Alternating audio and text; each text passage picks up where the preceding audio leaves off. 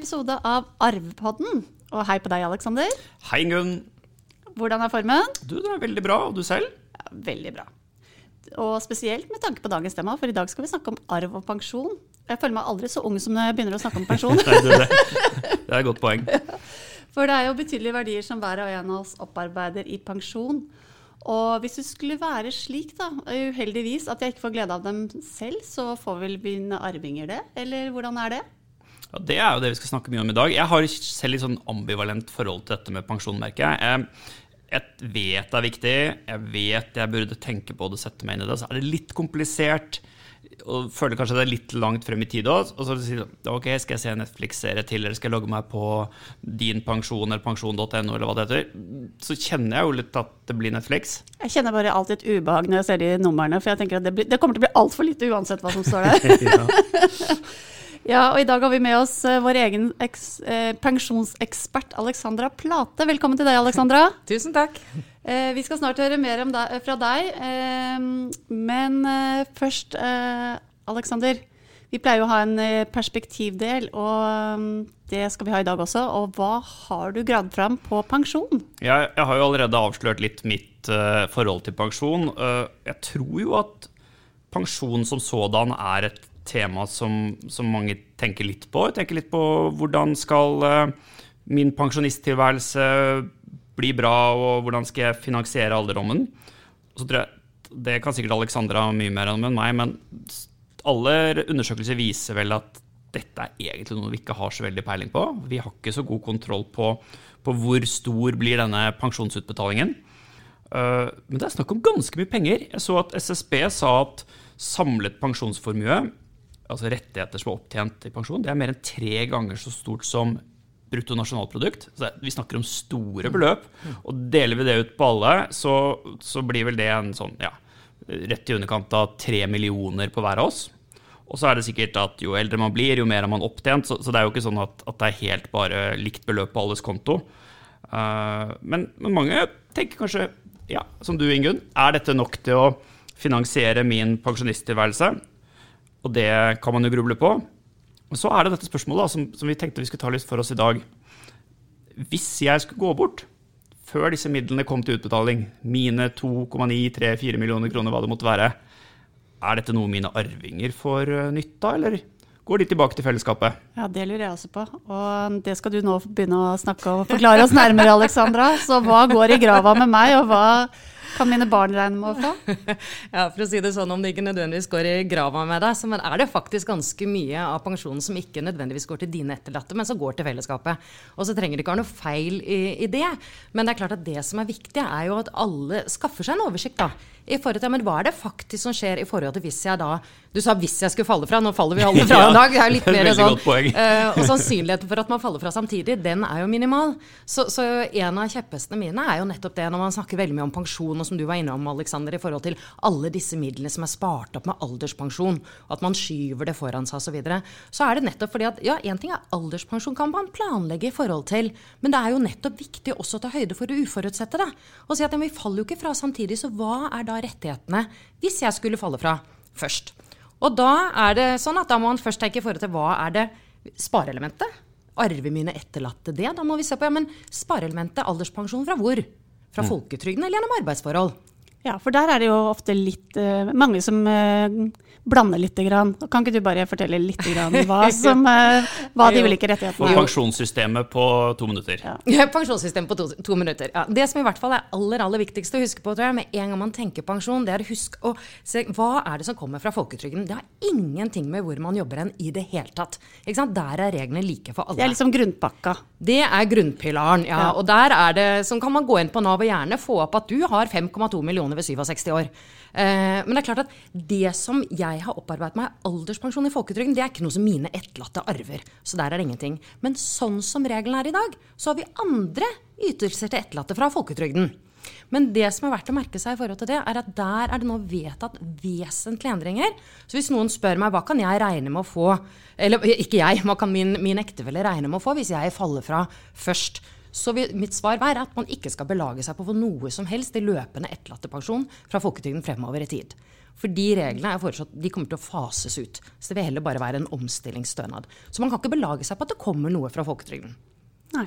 Og det vil ikke ha noe tilbakevirkende kraft. Så det man har opptent nå, det er ingenting av det som altså, Nei, de- det vil jo være overgangsregler i forhold Ja. til de som allerede mottar etterlattepensjon osv. Men, men det man har sagt, er jo at etterlattepensjon fra folketrygden det var jo det som skulle sikre typisk da, kvinnene som ikke var i arbeid, som ble forsørget av mannen.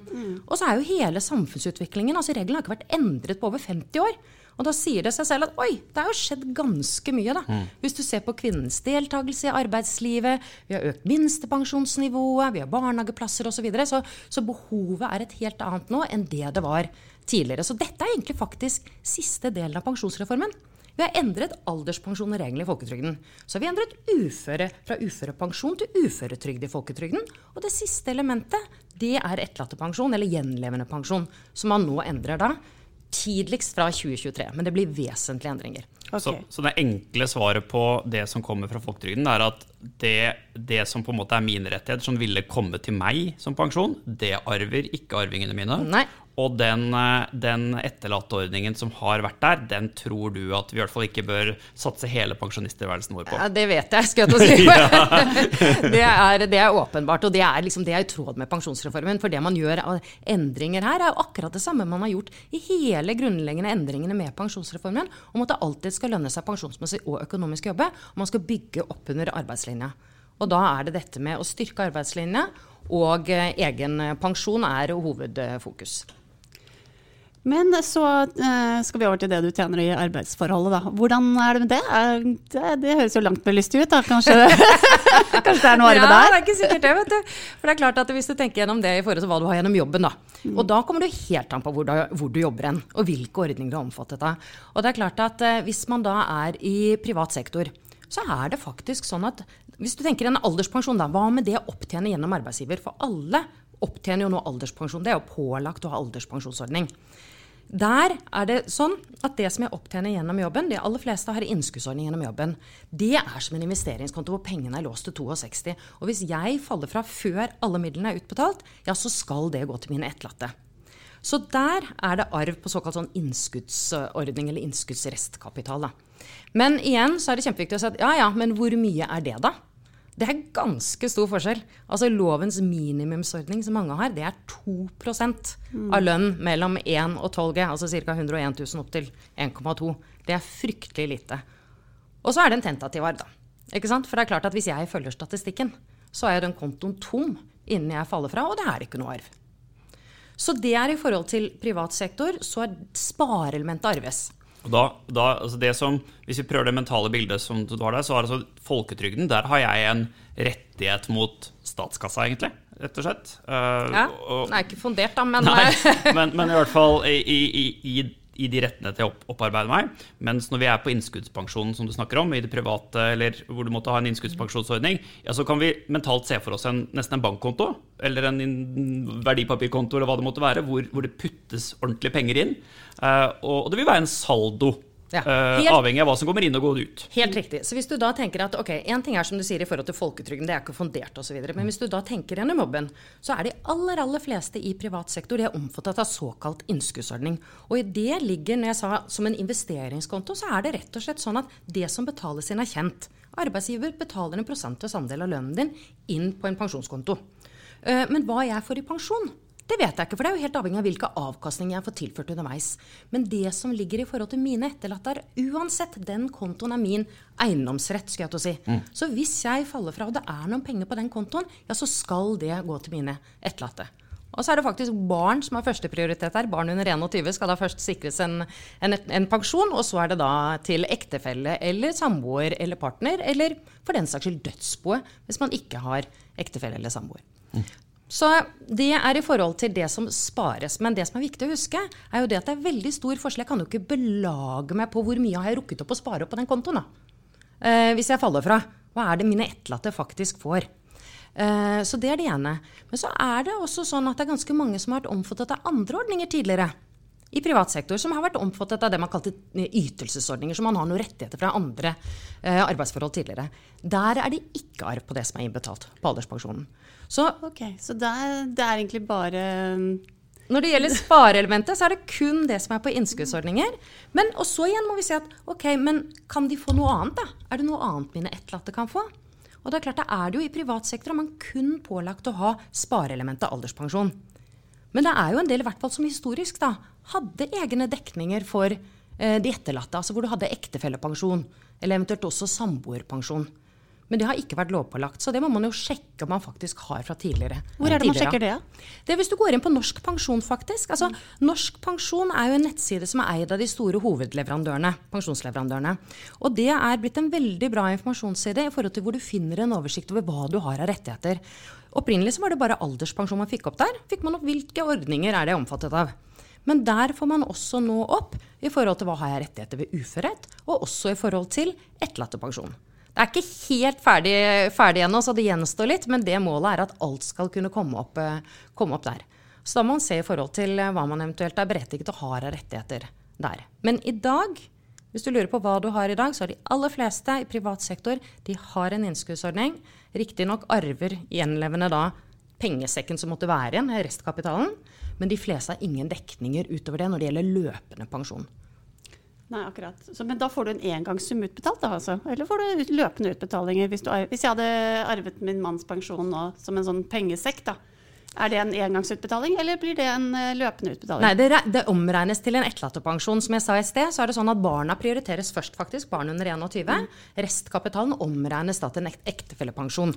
Løpende da til, eh, til etterlatte ektefelle eller samboer. da. Ok, Så den pensjonen som barna arver, den arver de fram til de er 21, og så Ja. ja. Mm. Og så er det sånn at eh, Men når du sa engangs, så må jeg bare kommentere det. Altså, hvis du tenker i forhold til ok, hva er det, hva er det mine etterlatte totalt får, da? Ikke sant? Hvis du sier 'glem folketrygden', tenker jeg da. På sikt, glem folketrygden. Du kan ikke belage at du kommer noe der. Når det gjelder jobben, er du i privat sektor, ja, så må du da gå inn på Norsk Pensjon, og så ser du hva du er registrert med. Og så vet du at hvis du er omfattet av en innskuddsordning i dag, eller også for den saks skyld har vært det tidligere, så vet du det at restkapital på innskuddsordningene, det får dine etterlatte. Det som måtte være igjen. Så kan du ha en annen dekning, særlig fra tidligere, som er løpende etterlattepensjon. Og så er det selvfølgelig mange som har en skattefri engangsdekning ved død. Men da snakker vi mer om en forsikring. Da snakker vi om forsikring. Men det skal vi tilbake til litt senere. Nå vi snakket om innskudd og alderspensjon, Alexandra, men hva med fripoliser? Det kjenner jeg er et ord som eh, det hersker litt forvirring rundt. Ja, det også. Ja, det er ikke rart folk blir forvirret. Altså, du nevnte jo i sted Alexander, med nettsider, og det er liksom din pensjon og min pensjon og norsk pensjon og hvor byen er, liksom. Men, men bare for å ta det, da. fordi at eh, når du sier at nå har vi snakket om innskudd, så er det viktig å huske at innskudd er spareelementet. Pensjon er mer enn alderspensjon. Når du snakker om pensjon, én ting er alderspensjon, men hvis det uforutsette skjer, så er jo pensjon også uførepensjon, etterlattepensjon og barnepensjon. Det er også pensjon. Så når vi snakker om innskudd, så er det hva skjer med spareelementet alderspensjon. Det er så på den kontoen. ja, ikke, sant? Det er den investeringskontoen som pengene er låst til 62. Så, så det er spareelementet. Og så har vi snakket om at de fleste i privat sektor nå, de har ikke disse andre. De har, mange har uførepensjon, men veldig få har etterlattepensjon tilknyttet disse ordningene. Når du sier fripolise, så er det rett og slett det er pensjon man har opparbeidet fra såkalte ytelsesordninger tidligere. Eh, og du kan si at Tidligere så var det for det første var det ikke sånn at alle hadde pensjonsordning engang. Det var først obligatorisk i privat sektor i 2006. Men hvis man hadde pensjonsordning tidligere, så var det én variant, og det het ytelse. Og Det var typisk at man var på en måte garantert en form for utbetaling i en viss periode på en viss Ja, nivå, ish, eller? Nei, uh, ish, skal jeg ta si. Ja. For det er en av mytene, faktisk. For med Ja. ytelsesordninger så er du ikke garantert I privat sektor er du ikke garantert ytelsesnivå som sådan, men du er garantert en, en, en, en gitt pensjon på toppen av det du måtte få fra folketrygden. Nettopp. Så du har ikke noe garanti ved at man kompenserer om folketrygden er lavere enn det lønna de skulle tilsi osv. Men i hvert fall, men fripoliser, da. Det er da pensjon du har opparbeidet gjennom disse gamle ytelsesordningene. Og da er det rett og slett, ja, Du rakk ti år i ordningen. Hvor mye er verdien for de ti årene? Og på akkurat samme måte som vi snakker om at pensjon er mer enn alder, så kan en fripolise den kan være bare alderspensjon. Det alle er alderspensjon, men det kan også ha de andre elementene i seg. Ikke sant? Så én ting er at arbeidsgiver har alderspensjon. Det er det ikke noe arv på tettelatte. Det som arbeidsgiver har betalt inn for å gi deg en f.eks. livsvarig årlig pensjon på 20 000 og en shot da på fripolisen, det er det ikke noe arv på. Men arbeidsgiver kan jo da i forhold til den eh, fripolisen også at det er tilknyttet både rettigheter ved uførhet og rettigheter ved død. Og da hvis det ligger en rettighet da i forhold til 10 000 i livsvarig etterlattepensjon, ja, så er det en rettighet som ligger her, som er ferdigbetalt. Og også det er den informasjonen som man får opp på Norsk pensjon. Om ikke alt er inne nå, så er det i hvert fall en målsetning at alt skal komme opp der. fordi det er jo noe jeg det også opplever så mange sier at men hvor i all verden skal jeg begynne for å finne hva jeg egentlig har, da? Ja, det tenker altså, jeg er mitt største problem. Ja, og heldigvis er det nå er det jo heldigvis, altså Med innskuddsordninger så får man egen pensjonskost, og da samler man på en mm. måte innskuddspensjon fra tidligere arbeidsforhold osv. Så, videre, så da blir det DS-spareelementet ett sted. Men så skal du også da på Norsk pensjon få oversikt over alle de andre rettighetene. For det er altfor mange som bare tenker på alderspensjon. Som, nei, pensjon som alderspensjon, og glemmer disse andre elementene og syns det er fryktelig vanskelig å finne frem. Og man kan jo bare tenke seg selv i forhold til det temaet vi snakker om nå. Da. at, ja, hvis jeg faller fra, Det er jo ikke det største overskuddet mannen min har akkurat i en sånn situasjon, til å begynne å skal byråkrati og finne frem dokumentasjoner og sånne ting. Ringe gamle arbeidsgivere fra langt tilbake ja, ja, ja, ja, ja, var egentlig ordningen? Så, ja. Nei, så, så, det er bra at det kommer en oversikt, men det er i hvert fall en, en, verden som er i vesentlig endring. For det ser vi. fordi at som sagt nå, dette med at reglene i folketrygden for de etterlatte kommer til å bli vesentlig endret. Så igjen, grunnpilaren blir vesentlig endret. Og da ser man hva med det som kommer i tillegg, altså pensjon gjennom arbeidsforhold. Og da ser vi allerede nå i privat sektor de aller aller fleste arbeidsgiverne, 99,99 ,99 har kuttet ut etterlattepensjon. For de sier at ja, men nå er jo begge i arv, og det er ikke samme behovet. Vi kan heller ha en høyere skattefri engangsutbetaling. Så vi kan komme tilbake til etterpå. Men liksom det trenden der. Og så er det jo tentativ arv på den investeringskontoen på mm. innskudd. Så, så, det er liksom trenden der. Så det som er litt interessant, er at når vi snakker om pensjon gjennom arbeidsforhold Hvis du da sier men hva hvis du er i offentlig sektor, da? For de henger jo litt etter. De er litt gammeldagse. ja. Ja, Hva med de? Ja, De er gammeldagse, som jeg sier. Ja, vi, vi, vi, støter aldri noen i arvepodden, men eh, ok, da. det er regelverket. Det er re vi, det ja, regelverket. Ja, det er, ja, for all del. Nei, det er, det er, ikke noe annet, men det er rett og slett regelverket. For der også har jo ikke regelverket vært i endring på veldig mange år. Og i offentlig sektor så er det sånn at der er pensjonspakken det den er. Mm. Ikke sant? Du har alle elementene. Du har alder, du har uføre, og du har ektefelle, og du har barnepensjon. Så det er jo kjempebra. Du har alle elementene. Men i privat sektor som jeg nevnte, er du bare mm. pålagt å ha alderspensjonselementet. Men du har hele pakken. Eh, og det som er spesielt også, er at der har du det man kaller eh, ektefellepensjon. Eh, altså, du kan si ektefellepensjon, skal jeg si, for det gjelder kun ektefeller. liksom, er du samboer, mm. så får du ingenting i det hele tatt. Og det er mange ikke klar over. Det bør man være litt oppmerksom på. Ja, vet du hva, Jeg møter mange som tror ja, men vi har jo, vi har jo nettlatterpensjon. Si at ja, men det er til ektefelle, og så er det barnepensjon der. Så her er det bare å komme seg til alters for å optimalisere pensjons... det har jeg faktisk opplevd òg, for, si for, å si det sånn at nå, nå, vet jeg hva jeg skal hjem og gjøre, og fri. Men, uh... men er det noe de vurderer å endre på? For det virker jo ganske, ja, for å bruke et ord vi brukte nå i stad, gammeldags. At man ikke samboere skal arve ektefellepensjon. Ja, det har jo vært en diskusjon. Det, og særlig hvis du da sammenligner, hvis du tenker i forhold til privatsektor. Så I privatsektor så er jo ikke arbeidsgiver pålagt å ha det. Men hvis arbeidsgiver velger å ha det, ja, så står arbeidsgiver fritt til å velge du skal vi bare ta de som er gift, eller skal vi også inkludere de som er samboere. Så der kan man inkludere begge. Men den offentlige ordningen er Regelverket er som det er. Og, og selv om mange som sagt ikke er klar over det, så er det, er det sånn som regelen er. Så blir det sikkert noen nye diskusjoner opp og frem i tid. Kanskje særlig nå når reglene i folketrygden da blir så vesentlig ja, vil det, påvirke, de vil det påvirke pensjonsordningen i offentlig sektor, tror du? Det det, her er det noen parter som skal enes osv., så, videre, så det er lettere sagt enn gjort å si at det bare endres. Nå er Statens pensjonskasse er lov, men ellers er det også i forhold til tariff og forhandlinger. Så, så, så, det er ikke sagt at det blir endret, men, men det er i hvert fall liten tvil om at endringer et sted medfører ofte behov for endringer et annet sted. Da. Så, det høres jo veldig dyrt ut, den pensjonsordningen de har i offentlig sektor, i hvert fall.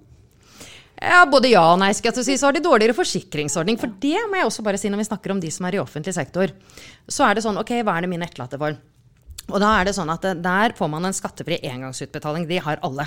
På ti ganger grunnbeløpet. Det er ca. en million. Skattefritt. Altså, det er kjempefint. Men hvis du er i Statens pensjonskasse, så er det faktisk kjempeviktig å være bevisst på at den dekningen der den kan ikke dine etterlatte belage seg på at faktisk kommer til utbetaling. Fordi at Hvis jeg har vært ufør i to år, altså tenk deg at jeg er langtidssykmeldt, det er jo mange som er før man faller fra, så er regelen, det er bare regelen igjen, som da sier i Statens pensjonskasse at nei, da har du ikke noe dekning ved død, denne skattefrie engangsdekningen. Da krysser vi deg av listen.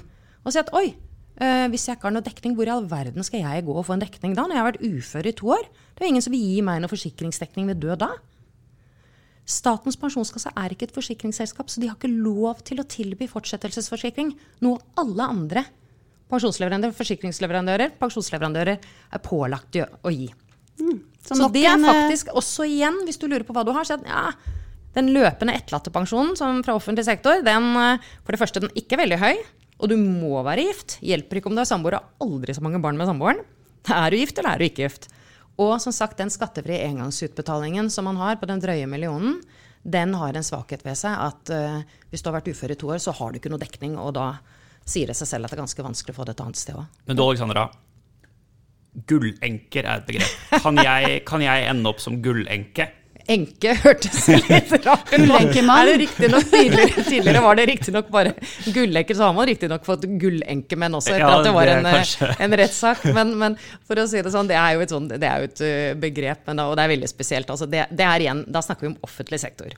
Eh, de som er offentlig sektor, og hvis man da er gullenke, er noen som er enke etter en som var med, falt fra, og som var medlem av Pensjonskassen før oktober 1976. Det er det året jeg ble født, så det er kanskje litt sannsynlig at jeg kan komme inn i den ordningen. ja, både enke og, og reglene. Så, så de aller aller fleste Ja altså hoved, Hovedreglene i, i offentlig sektor nå er at de, ja, de har en ektefellepensjon, eh, men det er ikke disse gamle gullenkeordningene og bruttoordninger osv. Det er en gitt prosent av pensjonsgrunnlaget. 9 for å være eksakt. annet, høres ut som. Og grunnen til Ja. at det ble kalt for gullenke, hva, hva er det? det var, Nei, det var rett og slett, De kom jo så ekstremt godt ut. vet du. Det var en knallgod pensjonsordning, ikke noe avkortingsregler i det hele tatt. Så eh, Derfor ble man da kalt gullenker, for det var virkelig de som eh, hørtes litt makabert ut når du har mistet mannen din. Og får, de fikk jo ikke brev om at det er gullenke, da, men likevel, det var liksom det det ble omtalt som. da. Stempelet var der. Ja, jeg tror det står på nettsiden også noen steder. Så. Ja. Ja, nå har vi snakket mye om alderspensjon, men nå skal vi også snakke om eh, Vi har vært litt innom det, men forsikringsordninger. Eh, For det er jo litt ulike ordninger. Kan ikke du fortelle litt mer om det, Alexandra? Det er jeg spent på. Jeg kanskje først, eh, først kanskje forklare litt rett og slett bare forskjellen på pensjon og forsikring. For det opplever jeg at det er mange som sier at det er pensjon og forsikring og pensjonsforsikring. Altså hva er hva? Du kan tenke deg at pensjon, det er det Når du har en pensjonsordning gjennom jobben, så får du ikke noe skattemessig påslag. Ikke sant? Fordi arbeidsgiver betaler en. Til gjengjeld så er det en løpende pensjon, og du får vanlig pensjonsbeskatning når pengene kommer til utbetaling. Så det er en løpende ytelse. Når man snakker om forsikringer, så er det en skattefri engangsutbetaling som kommer til utbetaling gitt at det uforutsette skjer. Igjen, da er vi tilbake til, Nå snakker vi ikke om alderspensjon, men da er vi tilbake i forhold til ok, du kan ha dekning i forhold til uførhet, og du kan ha dekning i forhold til død. Så det er på en måte i forhold til det uforutsette. Da får du skattemessig påslag for det premien arbeidsgiver betaler, men til gjengjeld så er det skattefritt, gitt at pengene kommer da til utbetaling. Og Her også er det jo kjempestor forskjell i forhold til hva man faktisk har av dekninger. Nå nevnte jeg i sted den svakheten som gjelder for offentlig ansatte som er i Statens pensjonskasse. Er man i kommunal sektor, så har man gjerne samme dekningen på drøye millionen, men KLP f.eks. er jo et forsikringsselskap og kan da tilby at da kan du fortsette innbetalingen selv. I privat sektor så er det kjempestor forskjell. Eh, De aller, aller fleste har engangsdekninger ved død. Eh, og det er ganske vanlig at man har det i forhold til G. G er jo grunnbeløpet i folketrygden drøye 100 000 nå. Så de fleste har det i forhold til G, og gjerne sånn 20 G. Ja, da er det to millioner. Eh, noen ekstreme her om dagen som hadde 40 G eh, i dekning. Og det som er litt fascinerende, er at det er så utrolig mange som ikke vet hva de har. Og så har de gjerne tegnet private dekninger i tillegg. Gjennom fagforening eller hva det måtte være. Så igjen, altså det samme uansett når du snakker om pensjon, så husk at pensjon er mer enn alder. Uh, og så må du begynne da i riktig ende og se etter hva er det jeg allerede ligger an til å få. Fra folketrygden. Hva gjennom arbeidsforhold? Trenger jeg mer, eller trenger jeg ikke? Det samme bør man gjøre i forhold til hvis jeg skulle bli langtidssjuk. Hva ligger i bunnen da, fra folketrygden? Hva er det jeg har gjennom jobben? Privat sektor, arbeidsgiver er ikke pålagt å ha noe engang. I offentlig sektor vet jeg at jeg har noe. Trenger jeg mer, eller trenger jeg ikke? Og akkurat det samme som vi snakker om nå, i forhold til det at man, man faller jo ikke fra samtidig. Så selv om det er ubehagelig å snakke om, så er det ganske viktig å vite at man har trygghet også der, da. I forhold til at hvis jeg skulle falle fra, ja, hva er det da gjenlevende får fra folketrygden? Som sagt, på sikt tror jeg ikke det blir mye, for å si det sånn. Eh, Men hva da gjennom eh, arbeidsforhold? Og da tenker jeg både pensjon og disse skattefrie engangsutbetalingene. Eh, Og også om man har noe privat. Og så må man tilpasse det, se om man trenger mer eller ikke. Så man bør egentlig sette seg ned med ektefellen og ta, lage et lite regneark på hva Ja, man ja, eh, ja. Hva, han, hva jeg har, og hva han har. Ja, og det som er også viktig, og det har vi snakket mye om, Alexander, i forhold til dette med at man må også huske å tenke dette i ulike livsfaser. Ikke sant? For det er så lett, du kan jo sette deg ned nå, men, men så endres jo altså Behovet endres jo med livets ulike faser. Så, så, dette bør man jo gjøre med jevne mellomrom, men det er i hvert fall viktig å i hvert fall ikke bare lukke øynene. Så, men er det noen tilpasninger man kan gjøre, Noen sånn uttak man kan ta for å sikre seg ja, Det er et godt poeng, faktisk, akkurat det du sier der. For det er klart at det, det vi snakket om i sted, da. Eh, er, nå har vi snakket om det med folketrygden, og kommer vesentlige endringer, eh, der var endringer det ikke der. Nei, der liksom, kan man ikke var, belage seg på. Altså, man får en omstillingsstønad, og så mm. barnepensjonen blir bedret, men, men likevel. Eh, men eh, du kan ikke belage deg på en løpende etterlattepensjon derfra. Men det jeg opplever, er jo nettopp det andre. fordi at dette med spareelementet som jeg snakket om i folketrygden, altså alderspensjonen min, det nye med pensjonsreformen, eller nye og nye, den har jo tross alt levd i ti år nå, men i hvert fall det som ligger i pensjonsreformen, da, det er jo det at det er ikke nødvendigvis lenger et spørsmål om når du skal gå av med pensjon, men det er spørsmål om når skal du ha ut pensjonen din. Det er rett og slett, altså Alle i privat sektor, alle pensjonskildene, spør du vil ha pengene nå, eller vil du vente? Så det ligger en fleksibilitet i forhold til når man skal ta ut pensjonen sin, helt uavhengig av om man skal fortsette å jobbe eller ei. Og det merker jeg at det er veldig mange momenter i forhold til dette med tidliguttak når det gjelder alderspensjon fra folketrygden. Og et av de momentene som jeg tror kommer til å bli enda sterkere og enda mer fremhevet fremover i tid, når reglene i folketrygden da blir vesentlig endret, er det at men du, hvis jeg tar ut eksempelvis jeg har krav på 200 000 i året, fra 62 ehm, jeg har ikke tenkt å slutte å jobbe eh, hvis jeg investerer og plasserer de midlene. Uh, og har fått én million brutto på bok. Hvis jeg skulle falle fra tidlig! Det fungerer som en forsikring mm. for mine etterlatte. Da har jeg sikret mine etterlatte, og ikke bare ektefelle eller samboer med felles barn, som ellers har vært reglene for hva du får, men også i forhold til boet som sådan, for da har jeg sikret meg midlene. Men bare én varsko før jeg glemmer det, i forhold til at når vi snakker om etterlattepensjon Hvis man har etterlattepensjon fra folketrygden i dag, eller gjenlevende pensjon som det heter, så bør man ikke starte tidliguttak alderspensjon fra folketrygden. For det er faktisk én av fallgrubbene. For hvis jeg har gjenlevende pensjon løpende utbetaling i dag, sånn som reglene er i dag, hvis jeg starter uttak av alderspensjon fra folketrygden, så har jeg sagt fra meg gjenlevende pensjon som en selvstendig ytelse i folketrygden. Og det er i 99,99 ,99 av tilfellene ikke gunstig økonomisk, for å si det sånn.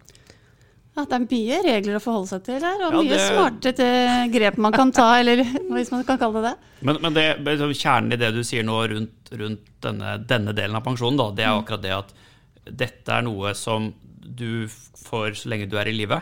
Og, og, hvis du på en måte kan ta ut noe av det i livet For noen så handler det om å starte litt, litt tidligere for å være sikker på å få ut. Men fallgruben er at, uh, at, man da må passe på at ikke etterlattepensjonen forsvinner ut med, med, dette smarte trikset. Ja, Hvis man har etterlattepensjon i dag, og så kan du si at det er jo få som har det, for det er jo færre og færre som har etterlattepensjon før 67 fordi vi lever lenger. Uh, men det i forhold til tidliguttak, som du sier, så er det viktig også det å huske at det er mange momenter. Ikke sant? Det er dette med fleksibiliteten og likviditeten, få et mest mulig tidligst. Men så er det selvfølgelig dette i forhold til mor skal investere og plassere midlene. Dette med regulering. altså Det er mange momenter her. men ett moment i hvert fall som jeg merker at kommer mer og mer nå, det er i forhold til at det fungerer som en forsikring for mine etterlatte ved at jeg sikret meg mest mulig tidligst mulig. Så selv om jeg til syvende og sist ser at eh, kanskje ikke det hadde lønt seg totaløkonomisk, så er det noe med det følelsesmessige at da har jeg sikret mest mulig tidligst mulig. Er det kanskje litt riktig å se på pensjon og i for seg disse forsikringene også litt som en sånn, litt sånn type sikkerhetsnett? Ja, det er jo at, at du antagelig skal, du, skal, skal jeg gå av 65, 66, 70 og leve liksom liv og reise og ja, Nå vet jeg ikke om vi kan reise noe mer, men, um, men liksom ha, så trenger jeg antagelig å spe på med noe sparing. Men, mm. men det fins et godt sikkerhetsnett der um, som kan i hvert fall sikre at uh, det er en god basis. da. Både ja. jeg og de etterlatte. Ja, og, og, også det at bare det at man stilles jo overfor et valg. Mm. Så uansett hva man måtte velge, så er det viktig at man tar bevisste valg. Og det bør jo alle gjøre. Så må man lande på det som er riktig for den enkelte. For det er jo individuelt. Men man bør i hvert fall ta, ta bevisste valg. Og tenkte jeg bare én ting i forhold til det du sa, Ingunn, med, med, dette med at, eh, men hvor man skal begynne, og det er mange regler og jungler og alt mulig sånn. Så bare slo det meg én ting for en tid tilbake, en som, en som ringte meg, som jeg syns er et utrolig godt eksempel, som handler akkurat om det vi snakker om nå i forhold til med etterlattepensjon. Eh, hun var samboer og hadde felles barn. Eh, og så hadde de satt seg inn i reglene og hadde ett eneste spørsmål, og det var rett og slett at du, hvis, hvis en av oss faller fra, får den som sitter igjen, får den etterlattepensjon, ja eller nei?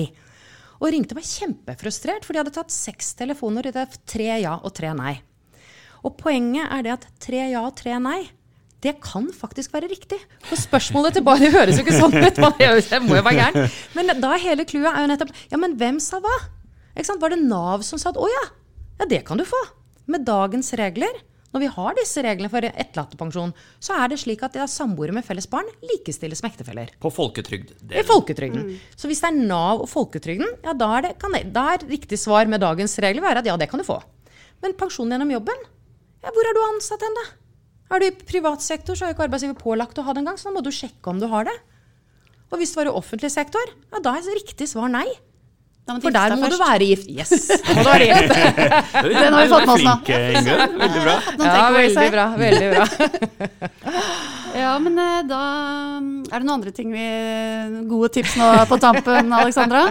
Nei, men det er, eh, det er masse på pensjonsbiten. Men jeg tenker det aller aller viktigste det er, tror jeg er For det første, huske at pensjon er mer enn alderspensjon. Og ikke, ikke sant, nettopp husk det at én ting er liksom spareelementet, det kan du planlegge i forhold til. Men det er viktig å ta høyde for det uforutsette og begynne i en- ende i forhold til å se hva man allerede ligger an til å få, hva man kan gjøre for å påvirke, påvirke det man har. Og husk at det kommer fra tre kilder, og at reglene er ulike. Så tre ja og tre nei, selv om det høres aldri så hakkande gærent ut, så kan det faktisk være riktig. Så det tror jeg er det viktigste å huske. Hvor spør du om hva? Det høres ut som det å ta norsk pensjonssystem på to minutter var en ganske ambisiøs greie. Jeg syns vi har lært likevel en god del, og jeg, jeg Jeg tenker at uh, jeg skal begynne med å gå inn rett og slett for å få litt oversikt. Jeg. Så tror jeg ikke jeg skal skjønne Det tror jeg rett og slett jeg har skjønt at jeg skal gi opp, og skjønne hvorfor det er sånn. Men jeg skal i hvert fall prøve å få litt oversikt, og se om det er noe eh, som jeg bør gjøre for å forbedre situasjonen for meg og mine etterlatte. Ja. Og i livets ulike faser. Gjør det med jevne mellomrom. Det høres ut som et veldig godt råd. Jeg skal eh, ta, notere meg det samme, Alexander. Det skal jeg også gjøre. Og det håper jeg dere som har lyttet på i dag også mm, kommer til å gjøre, for det tror jeg kan være verdifullt. eh, Og ikke minst for å sove, sånn som vi pleier å si i formuesforvaltning, skape ro og sove godt om natten. Det er god natt. Man skal aldri undervurdere god nattsøvn. Så med det tenker jeg at vi runder av dagens pod. Tusen takk for at dere lyttet på, og tusen takk til deg, Alexandra, for at du hadde tid til å komme her i dag. Takk for meg. Ha det bra så lenge. Ha det bra. Ha det.